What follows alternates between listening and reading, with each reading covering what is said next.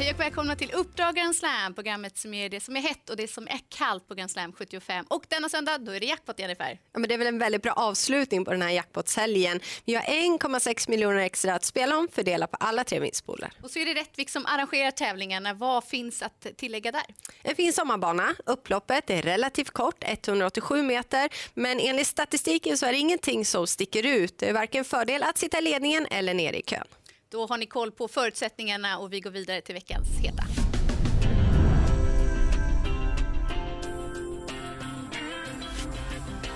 I den första avdelningen så är ju nummer 6 Santis Cocktail väldigt härdad på V75. Han har gjort 15 starter i år, varav 11 har haft ett första pris på över 100 000 kronor. Så han går ner i klass till den här starten. Form visade han vid den senaste starten, V75. Han blev hängandes, fick backa sist, men sköt till bra när luckan kom på upploppet. Till den här starten så hoppar Rickard N Skoglund upp i sulken och de har ett bra facit tillsammans. Det har blivit fem segrar på 13 försök. Det är bra.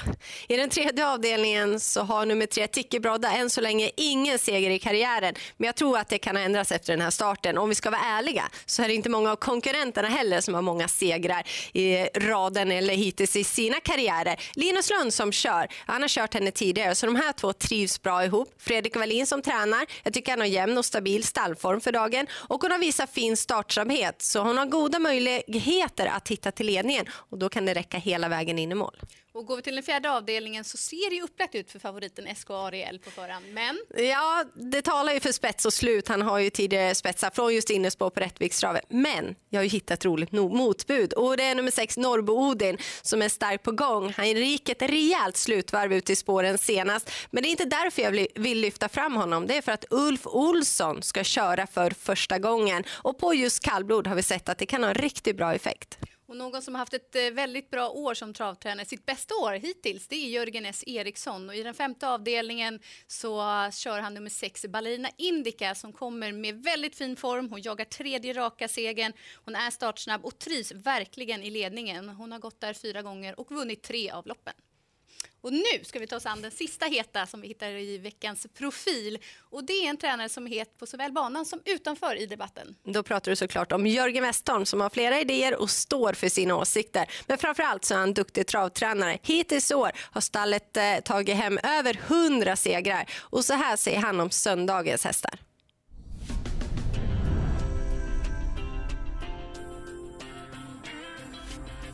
Figaro Vici är inte mycket betrodd just nu. Det är onsdag när vi spelar in det här. Eh, hur är formen där? Känns fin i träningen och inte levererat i lopp hittills så ligger lite lågt med honom tills han går lite bättre. Klackmolle då, som är fyraårigt kallblod med mycket galopper. Två galopper senaste diskningarna. Vad beror det på? Ja, lite svårt att bedöma. Det kommer vara lite nya framskor på honom den här gången och testa lite annan utrustning på honom och eh, skyhög kapacitet. Sköter han sig så han en toppchans. Toppchans? Wow! Jaha, men det var om man sköter så. Ni kan ju titta på galoppstatistiken men han är ju betydligt bättre än, än vad han har pengar på sig. Då vet vi det. Capital Wise Ass då, blir det barfota runt om för första gången där? Ja, det tänkte jag så han skulle få lite mer drag under fötterna. Jag tycker han har varit lite, känns ju fin och så men det har inte riktigt släppt till än och fick ett bra utgångsläge så jag hoppas han kan öppna rätt så bra där så att uh, han är bättre än raden i alla fall. Och i samma lopp Le Bohem som var trea senast, det var en bra spurt då? Ja, gick bra och har fått ett bra utgångsläge så jag tycker de kan vara sträckvärda båda de där hästarna. Och så slutligen Your Dream Love i avdelning 7, nummer 2. Det är William Ekberg som ska köra. Det var ett tag sedan, eller var ett tag sedan, ja i våras vann hästen senast. Kan det ske igen nu? Ja det kan det. Hon fick ett bra läge nu och en uh, rätt så bra proposition för hennes del. Jag har inte läst på den som sagt men hon gick rätt så bra efter tappstart där i tufft lopp på V75 senast. Så att, nej, hon är inte så tokig.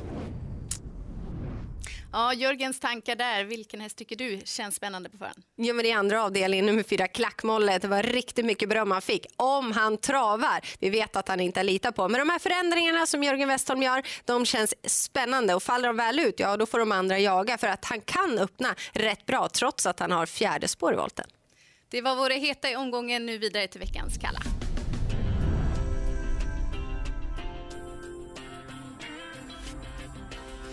I den andra avdelningen så var ju nummer åtta Eva Ergi riktigt fin vid segern. Men det som oroar det är alla dessa galopper. Hon har galopperat över hälften av sina starter och i år har hon endast gått felfritt en gång på sex försök. Dessutom så har hon bakspår över kort distans och det är en distans som hon aldrig har vunnit på. Och går vi till avslutningen så är nummer ett Tully Badine Boe kapabel för klassen. Men hon har varit sjuk sen senast och tränaren aviserar att det inte är någon toppform. Får en fin resa på innerspår men jag rankar ner henne denna gång. Och vi rundar av programmet genom att lyfta fram eh, en rolig och en trolig vinnare. Vilken väljer du? Den roliga då, eh, det kan vara ett långskott i den fjärde avdelningen, nummer sex Norrbodin, men det är ändå en faktor att Ulf Olsson kör för första gången. Och jag tycker att den troliga är sex Ballerina Indica i den femte avdelningen. Jag tror hon dansar undan till en vinst. Ja, nu har ni fått en trolig och en rolig skräll till eh, jakten på jackpotten. Precis. Lycka till med Grand Slam 75.